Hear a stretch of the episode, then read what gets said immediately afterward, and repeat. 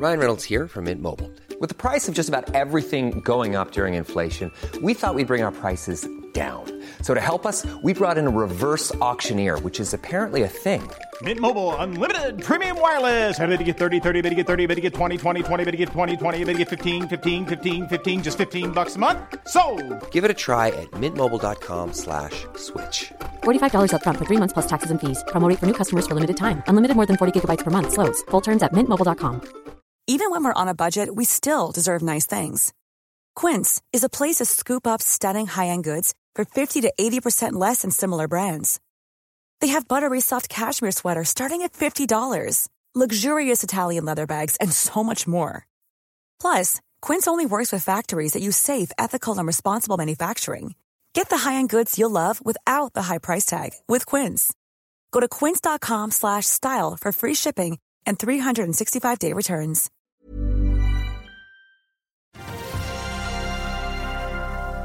Det fortsetter å knake i det amerikanske gjeldstaket, og her hjemme så holder oljeprisen seg lav. Det er 22. mai og børsmorgen.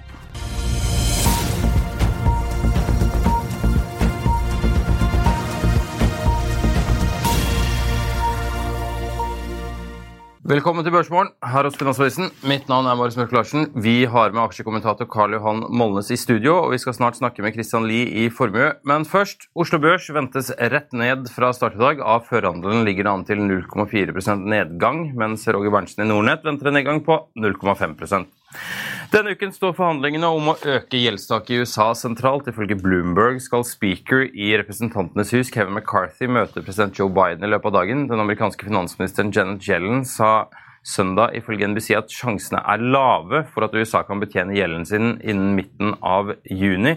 Det vil i så fall være første gang USA misligholder sine betalingsforpliktelser.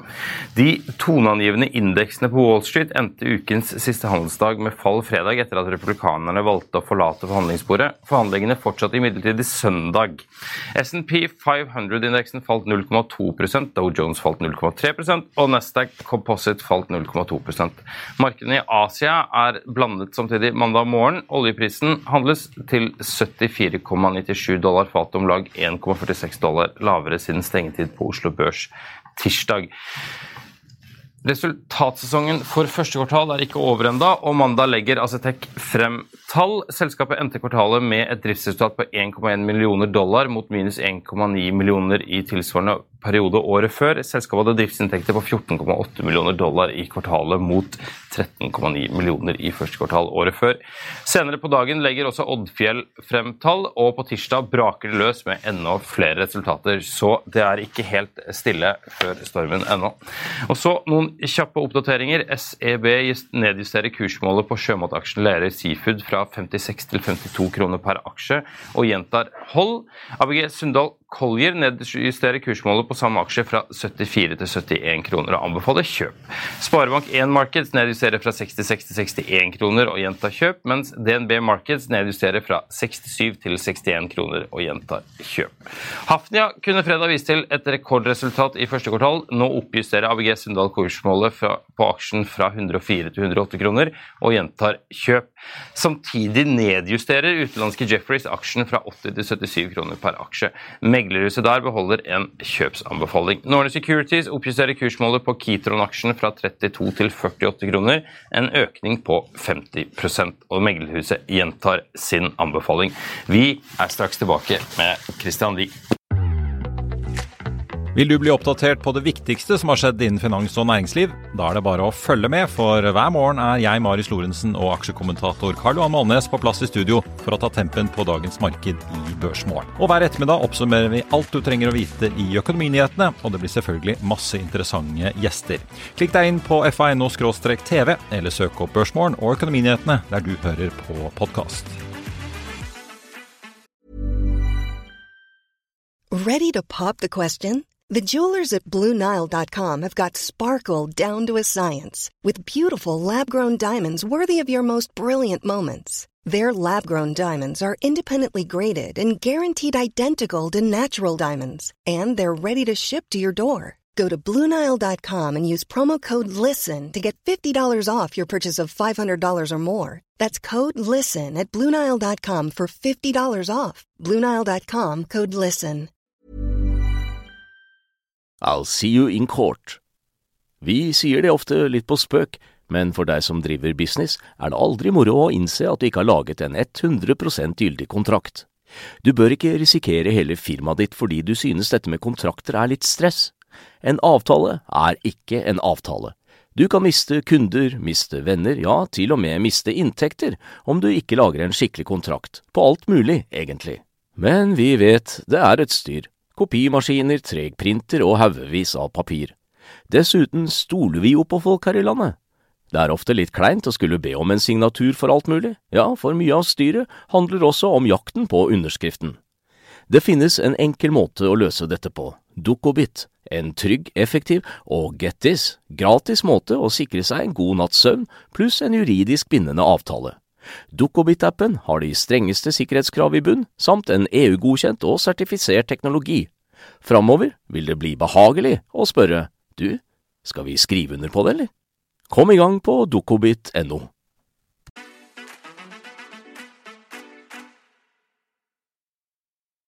Da har vi fått med oss Christian Lie, sjefstrateg i Formue, for mange fortsatt kjent som Formuesforvaltning. Velkommen til oss, Christian. Tusen takk for det. Du, jeg tenker Vi hopper rett i det, fordi eh, gjeldstaket det kommer jo til å dominere denne uken her også. Hva tenker du om, eh, om disse gjeldstaksforhandlingene som vi har sett hittil? Eh, markedene er jo egentlig ganske rolig på overflaten. Hvis man ser på aksjemarkedet og obligasjonsmarkedet, så er det jo ikke sånn åpenbar frykt for at det skal bli noe mislighold. Men hvis man ser litt under overflaten, f.eks. på CDS-kontrakter, så har jo de nylig vært prisa på, på, høyere nivåer enn eh, mange land som USA ikke har lyst til å sammenligne seg med når det gjelder statsfinanser. Men eh, det som er et høyst sannsynlig scenario her, det er jo at eh, politikerne ikke blir enige før markedene slår seg vrange.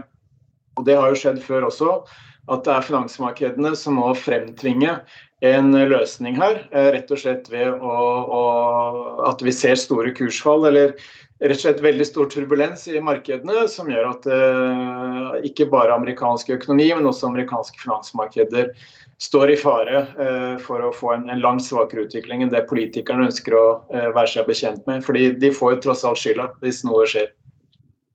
Ja, Det er jo litt politisk sjansespill, tenker jeg. Men all den tid, det, det var jo relativt eh, altså, Du sier turbulent. Det var jo ikke, var jo ikke eh, helt smooth sailing før denne gjeldstaksforhandlingen begynte heller. Det har jo vært eh, som, Vi har snakket om resesjon her til det tyter ut av ørene på oss i et halvt år nå. så eh, hvor, hvor lenge tror du man tør å gjøre et sånt sjansespill som man opplever nå? Nei, altså Så lenge amerikansk økonomi eh, tilsynelatende holder eh, koken, da. Eh, hvis vi ser på Goldman Sachs sin realtidsindikator for eh, veksten i amerikansk økonomi i øyeblikket, så ligger den ikke så langt unna null. Og vi har jo en resesjon i amerikansk industri. Vi har ganske utfordrende uh, utvikling i det amerikanske boligmarkedet osv. Men så lenge arbeidsmarkedet ser sterkt ut, og så lenge det private forbruket holder seg rimelig sterkt, som, som det gjør, så tror jeg at uh, politikerne liksom uh, lar, det, lar, det, gå til, til siste mulighet da, for å finne en løsning. Men det er, det er, ingen tvil om at det kanskje må være markedene som fremtvinger en, en, et kompromiss her. Ja. Hvis vi ser liksom tilbake til, for det, her ligger jo an til å løse. Det, det er jo en litt sånn morsom greie. All den tid Før så ville man jo alltid tenkt at ja, ja, de truer med alt mulig men det løser seg. Men så har du hatt to ganske store jokere de siste ti årene. Det ene er jo brexit, som alle regnet som sikkert ikke ble noe av. Og det andre var at Donald Trump kom til å tape valget, noe han ikke gjorde. Og siden denne gang så er jo 3 sannsynlighet det er jo regnet som et absolutt sannsynlig scenario, eh, i folks bakhue i alle fall. Eh, men hvilke andre ting er det du legger merke til nå i det, i det, i det korte og lange bildet? Nei, Hvis man ser på det korte bildet, så er det jo, som dere er inne på, man begynner å bli litt lei av å snakke om resesjon og tenke på resesjon. Og det sies jo at dette er eh, the most anticipated recession history. Altså dette har vi ventet på så lenge. Eh, men det, det som er eh, argumentasjonen for at vi ikke har fått en resesjon ennå, til tross for disse voldsomme renteøkninger og til tross for denne cost of living crisis som man har både i Europa og i USA for husholdningene, det er jo nettopp at det har vært en strukturell mangel på arbeidskraft etter pandemien. Og pga. en del demografiske ting, eh, bl.a. Eh, at det blir stadig færre nye mennesker som kommer inn i arbeidsstyrken relativt til de som forsvinner ut som pensjonister, så er dette en, en utfordring som arbeidstakerne eh, kan slite med i, i, mange år fremover. Og Det kan ha ganske stor betydning for inflasjonsbildet og for rentebildet osv. Men så lenge arbeidsmarkedene holder seg sterke, som de fortsetter å gjøre, og vi ser at både husholdninger i Europa husholdninger i USA fortsatt har mer sparereserver enn det de har pleid å ha før pandemien. Vi vet også at eh, under dette nullrenteregimet som vi har vært gjennom, så har eh, bedrifter, mange bedrifter benyttet muligheten til å låne penger med så lang løpetid de bare klarer. Og det kombinert med at eh, ja, 95 av boliglånene i USA er fastrente, så betyr det at de renteøkningene som har sett så langt, de har ennå ikke bitt inn i økonomien på samme måte som man kanskje har, har, har forventet. Men etter hvert som disse lånene skal refinansieres, så vil jo dette høyere rentenivået begynne å, å bite inn. Og da er jo spørsmålet har liksom andre deler av økonomien kommet seg i, i, i, i BTB, aktiviteten økt i industrien igjen f.eks. Så, så det noen snakker om, det er jo at man får en slags eh, ikke-synkronisert resesjon. Fordi det man ofte tenker på med resesjon, det er at hele økonomien bremser samtidig. Men det som kan være et like sannsynlig scenario nå, er at eh, industrien, boligmarkedet i USA har stoppet opp nå, mens det private konsumet, eh, arbeidsmarkedene holdt seg sterke. Vi kan også få en periode der dette dreier seg litt om, eh, at vi får en svakhet i arbeidsmarkedet, svakhet i forbruket, men hvor kanskje andre deler av økonomien kommer seg litt til hektene igjen. Men, men mitt klare standpunkt er at eh, vi kommer ikke ut av denne situasjonen eh, uten en kraftig nedtur i økonomien.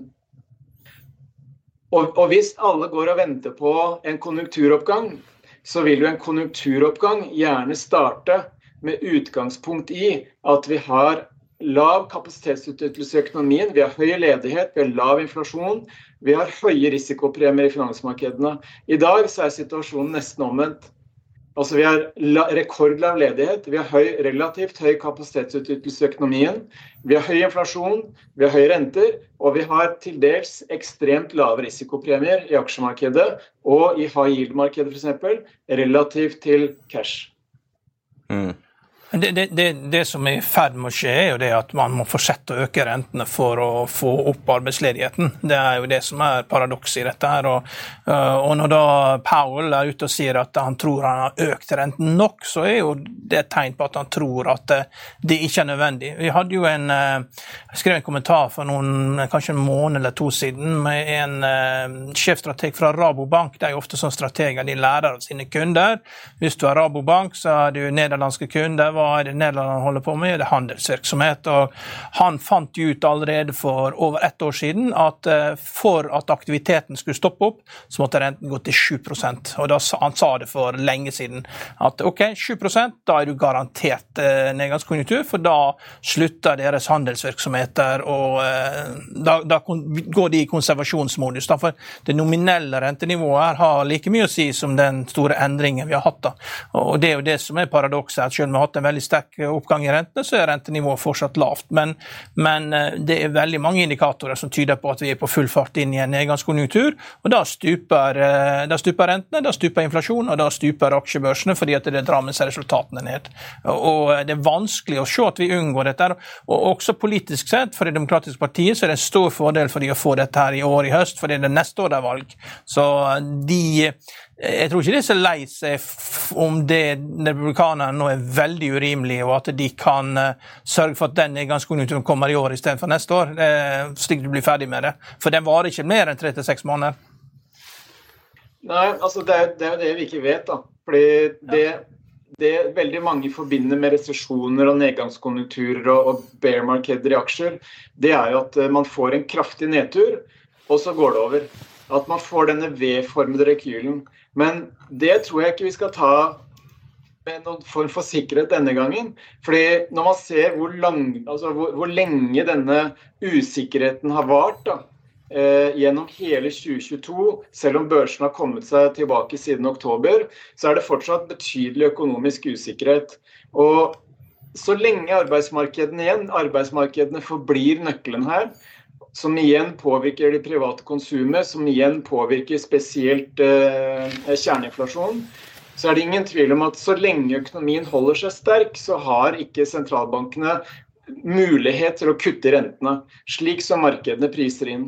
Så på et eller annet tidspunkt her så må markedene eh, enten prise inn at rentenivået skal holde seg høyt lenger enn det de eh, forventer nå, eller så må man prise inn en nedgangskonjunktur kraftigere enn det som er priset inn. Og da er det som du er inne på, da skal også selskapsinntjeningen mer ned enn det den allerede har eh, falt. Da. Men det som blir så ekstremt vanskelig å spå her, det er jo om vi får en V-rekyl i økonomien eller ikke. Men per i dag så er det ingenting som tyder på at vi skal få en V-rekyl. Og da er sannsynligheten enda større for at vi kan få en lengre periode med svak økonomisk vekst. Ikke nødvendigvis noen økonomisk krise, men en lengre periode med svakere vekst. Hva er en lengre periode i din, i Nei, ditt altså, syn? Igjen ikke sant, umulig å, å kvantifisere, men at uh, vi ikke får en V-rekyl. Altså hvis vi husker på finanskrisen f.eks., så snudde jo børsene i mars 2009 etter å ha begynt det kraftigste delen av fallet da høsten 2008. Altså en relativt kort periode med kraftig fall i aksjemarkedene. Men det som også kan være en relevant parallell her, det er jo det som skjedde, skjedde etter at IT-boblen sprakk. Selv om det er mange ulikheter realøkonomisk i dag, så husker vi da at børsene begynte jo å falle var det i mars-april 2000, og snudde da først i var det mars 2003. Så at vi på en måte skal forvente en V-rekyl, det syns jeg kanskje er litt optimistisk. Og at vi kanskje da får en lengre periode, kanskje mange kvartaler, noen år med vanskelige markedsforhold før vi på en måte får fundamentene på plass for en ny, lengre oppgangsperiode i økonomien og, og i markedene. Du var inne på det, det er litt nysgjerrig, fordi du nevnte at, at det er en veldig høy andel av, av, eh, av, fastrentelån i USA, selv om jeg antar at dette er relativt korte fastrentelån. Det er ikke ti, eller, eller er dette 10, og 20 og 30-årige lån? Det, det, det, kan være lange lån, ja. Ja. Eh, og I Norge så vi jo, er vi jo kjent for å ha en veldig lav andel av fastrentelån. Men hvordan er, eh, hvordan er, det i Europa, hvis vi ser Storbritannia, Tyskland, Frankrike, Italia? Vet du noe om, om andelen fastrentelån i disse markedene? Ja, I Norge så er det jo rundt eh, altså det er over 90% som har eh, flytende rente. I Europa så er det eh, Nå husker jeg ikke alle landene isolert sett, men det er, det er en større andel fastrentelån i de europeiske landene enn det er i Norge.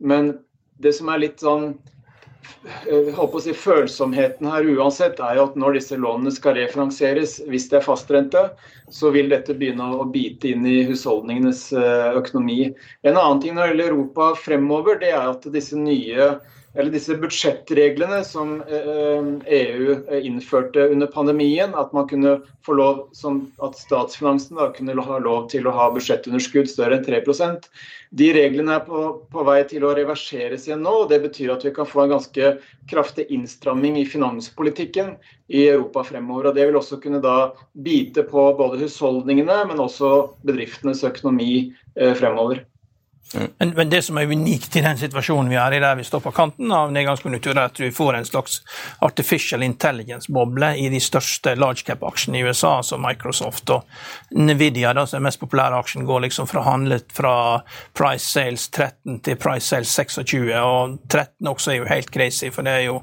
og alt over tid er jo helt bananas. Men eh, Stan Dreckenmiller er jo en populær mann for tiden, og han har jo ofte noen av de beste historiene. og I en gammel bok han skrev, så sa han det at du må, når man ser på en uh, oppgang, da, en boble, så, man, så, så, hadde han en uh, historie fra en landsby. Man må liksom se på hva slags boble er dette. Er det elefantene som stormer gjennom landsbyen, eller er det apekattene? For hvis det er elefantene som stormer gjennom, så kommer de tilbake igjen samme vei og skaper enorm skade. Mens AI-bobla her er mer som apekattene som løper gjennom landsbyen. Det er litt sånn som vi hadde en 3D-printboble også for ca. ti år siden. Det er ingen som snakker om den. Dette her er litt det samme, at eh, her skjer det ikke så mye. Og dette her er en, dette er en Wall Street-boble. Det er ikke Silicon Valley som holder på med dette. her. De har nok med private equity, de har nok med andre ting. Det er, det er Wall Street som sitter og ser det er tidlig på år, vi skal tjene penger i år. Hva i all verden skal vi finne på å stelle til folk? Jo, det er artificial intelligence, det går. Dette her er for de som tror på alt. Og artificial intelligence, det går ikke an å motbevise. Det kjører vi på. Så det er Wall Street skapt alt dette her. Det er ikke Silicon Valley, det er Wall Street som har skapt dette her. Du sitter ikke i kjelleren din på Jeløya og printer våpen eh, på 3D-printeren din, altså? Som nei, nei, nei. trodde at alle skulle gjøre for mange år siden. eh, ja, men jeg bare tenkte på AI. Det som, er, det som er håpet knyttet til AI, det er jo at uh, verden drives, altså verdensøkonomien drives jo av primært to krefter. Det ene er vekst i arbeidsstyrken. Der har vi en utfordring pga. demografiske endringer. Og det andre er produktivitetsvekst. Og Produktivitetsveksten har jo vært avtagende de siste årene. Og Det som da er håpet for verdensøkonomien, at vi skal få en blomstrende økonomisk fremtid, det er jo at eh, kunstig intelligens bidrar til å løfte produktiviteten i, i økonomien. Det hadde jo ikke skada om det at eh, man fikk en effektivisering av kontorarbeidsplasser. Det er eh, veldig mye folk som er på jobb med FaceTime og, og, er bare på jobb og ikke gjør noe. Hvis du kan frigjøre de folkene fra trygge arbeidsplasser med faste lønninger der de kan bidra til andre arbeidsplasser og skape vekst, så vil jo det skape en utrolig boom. Da. Men der, der tror jeg nok det at det er, vi har vært altfor forsiktige. Så det var jo en arbeidsgiver som spurte, spurte alle arbeidstakerne sine liksom spør ChatGPT hvordan du kan effektivisere arbeidsplassen din, og tror nok det at det være et, eh, kunne vært eh, Norsk offentlig sektor har ikke skada av det, tatt skade av det, for å si det sånn. Jeg har ikke noe tro på at norsk offentlig sektor er de første som kommer til å ta i bruk kunstig intelligens heller, for å være helt ærlig. Burde ha gjort det. Ja, det er en helt annen diskusjon. uh, jeg tenker liksom litt, nå, Du beskriver et scenario hvor vi enten får en resesjon, eller du får en sånn slags altså Enten én en stor brann eller masse sånne små branner etter hverandre. Eh, hva slags råd gir dere kunder deres i, i, hvor de skal putte pengene i en, et sånn type scenario som det du tegner nå? Hva, hva er trygge havner, og hva skal man styre unna nå? Altså, Vi har en utpreget eh, langsiktig filosofi i forvaltningen vi gjør. Og alle våre kunder er også utpreget langsiktige. Og det som skiller oss litt fra eh, en del andre aktører, eh, på godt og vondt sikkert, det er at vi driver ikke med taktisk allokering. Altså Vi prøver ikke å, å spå hvor markedene skal de neste tre til seks månedene for å gjøre endringer i, i kundenes porteføljer. Så vi har eh, noen byggeklosser. Eh, vi har åtte-ni ulike byggeklosser, altså aktiva-klasser. Eh, som vi setter sammen i henhold til kundenes eh, behov og ønsker og mål osv. Og vi holder oss stort sett til de byggeklossene i, i allokeringen, uh, uavhengig av markedsforhold. Men når det er sagt, så har jo heller ingen egne fond eller egen forvaltning hos formue. Vi bruker utelukkende eksterne miljøer rundt omkring i, i, verden. Og de eksterne miljøene er i hovedsak aktivt forvalta. Og det betyr jo at de forvalterne vi bruker, de gjør jo sine egne disposisjoner i forhold til sine markedssyn og i forhold til sine eh, vurderinger av, av, utsiktene fremover. Men noe, noe, av det vi har gjort, f.eks.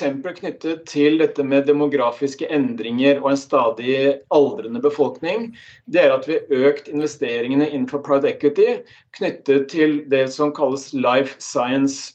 Og Det handler jo bl.a. om utvikling av legemidler, nye medisiner, eh, tjenestetilbud som skal eh, håndtere den stadig voksende mengden av eldre mennesker osv. Og på hedge-siden så har vi bl.a.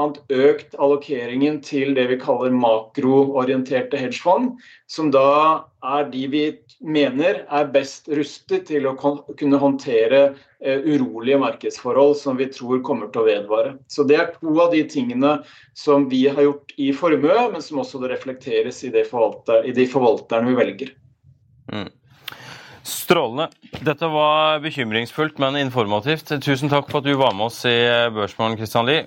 Da har jeg kastet et kjapt blikk på eh, kursene i dag. XXL er opp nesten 5 eh, Ellers er det sånn pluss-minus eh, i rødt og grønt. Lerøy og Grieg og ligger et par prosent i minus, og SalMar ligger nesten et prosent i minus. Det er jo litt sånn skiftende rundt sjømaten. Men Norwegian de fortsetter oppover. Vi hadde jo Hans Erik Jacobsen her, som hadde et kursmål på Norwegian på 13 kroner. Ja. De er nå opp nesten 4 i dag og handles til 12 kroner og 60 øre ca. Ja. 58 øre. Da har snart nådd kursmålet hans, da? Ja, det er jo uh, sjelden, uh, ja. sjelden det nås uh, så kjapt etter, etter, at man har gått ut med et Ser ikke flink ut, du. Han er flink. Ja, Han har iallfall vært rimelig spot on på hvor de skulle han der. Så får vi se om det går videre. Men, og nå var Ryanair ute og hadde ganske hårete ja. mål og hårete tall. Ja, Ryanair kom med tall i dag tidlig, pluss at det er et stort intervju med, med Michael Leary i Financial Times i går. Og det er jo selvsagt veldig aggressivt. og um, de, jo, de har kjøpt en ordre på 300 fly fra Boeing på, til 40 milliarder dollar, og skal ha 600 fly da, og skal doble, doble kapasiteten da, eh, framover. Og, eh, de sier laveste kost vinner, da, men jeg tror det at eh, det, er nok for de å forsyne seg av i, å fly folk fra Øst-Europa til Midt-Europa og til fra ja, eh, Norge er det siste markedet man kommer inn til. Også så er det um, København, da, som, som altså, det, er arbeidsreiser de flyr da, og Danmark er veldig restriktive. Det er ikke noe, det er ikke noe lett for østeuropeere å fly til Danmark og skaffe seg jobb. Da. Altså, det er et veldig tøft arbeidsmarked å komme inn i. Så, så Norden tror jeg er, kommer, er den området Europa som kommer til å merke minst av Ryanair sin satsing. Så, og det kan man jo også reflektere da, på eh, Norwegian sine, sine kurser. Da. Så Ryanair 600 fly, Norwegian og vokser jo og vokser, de også, men de, de, blir ikke så store. da. Men, eh, og det er jo laveste kostnad som vinner, som sier, sier Michael Mike O'Leary. da. Men det er jo klart tydelig, brexit har jo noe å si. Det var jo før et flyselskap som fløy folk inn og ut av Storbritannia, og veldig mye av rutene nå går jo fra Øst-Europa til Sentral-Europa, Tyskland og Frankrike. og ja.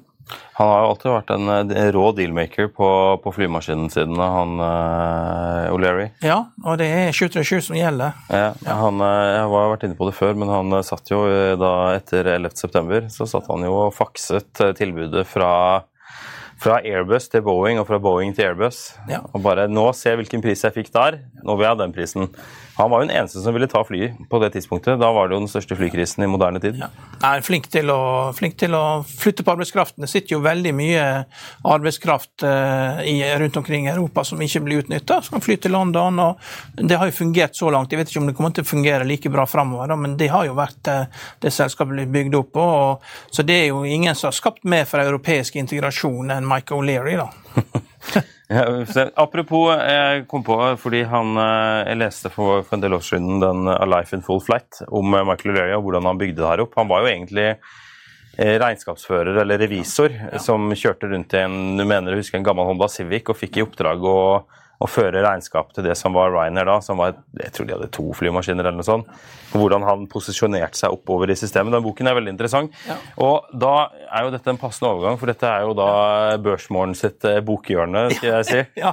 Jeg har skrevet, skrevet, en kommentar i uh, avisen, da, og uh, det tar utgangspunkt i denne boken her, 'Willful Blindness', da, om hvordan Canada holdt på å skulle ende opp som Macao. Sam Cooper som har skrevet den? Sam Cooper, journalist i Canada. Veldig god bok. og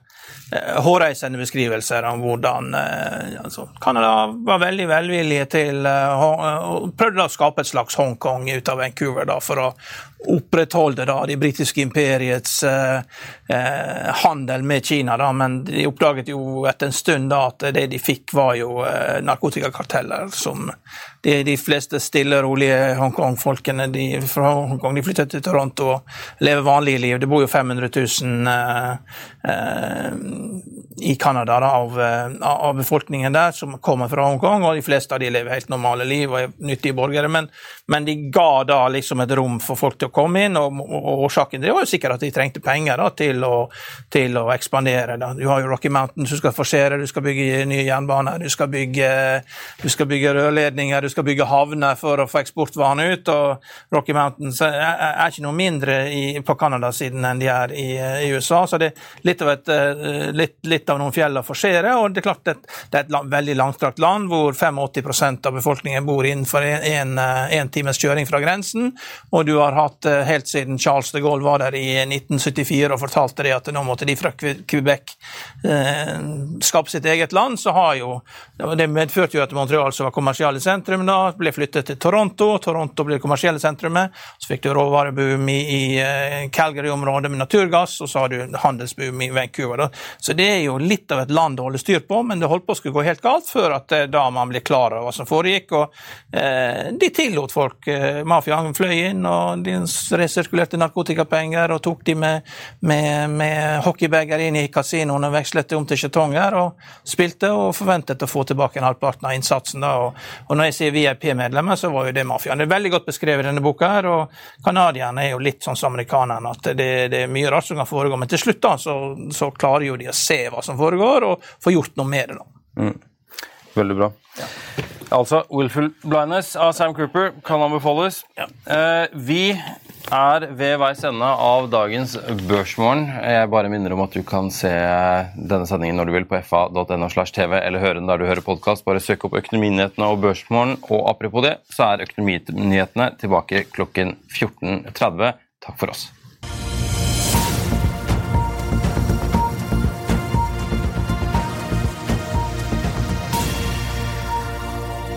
Økonominyhetene er en podkast fra Finansavisen. Programledere er Marius Lorentzen, Stein Ove Haugen og Benedikte Storm Bamvik. Produsenter er Lars Brenden Skram og Bashar Johar. Og ansvarlig redaktør er Trygve Hegnar.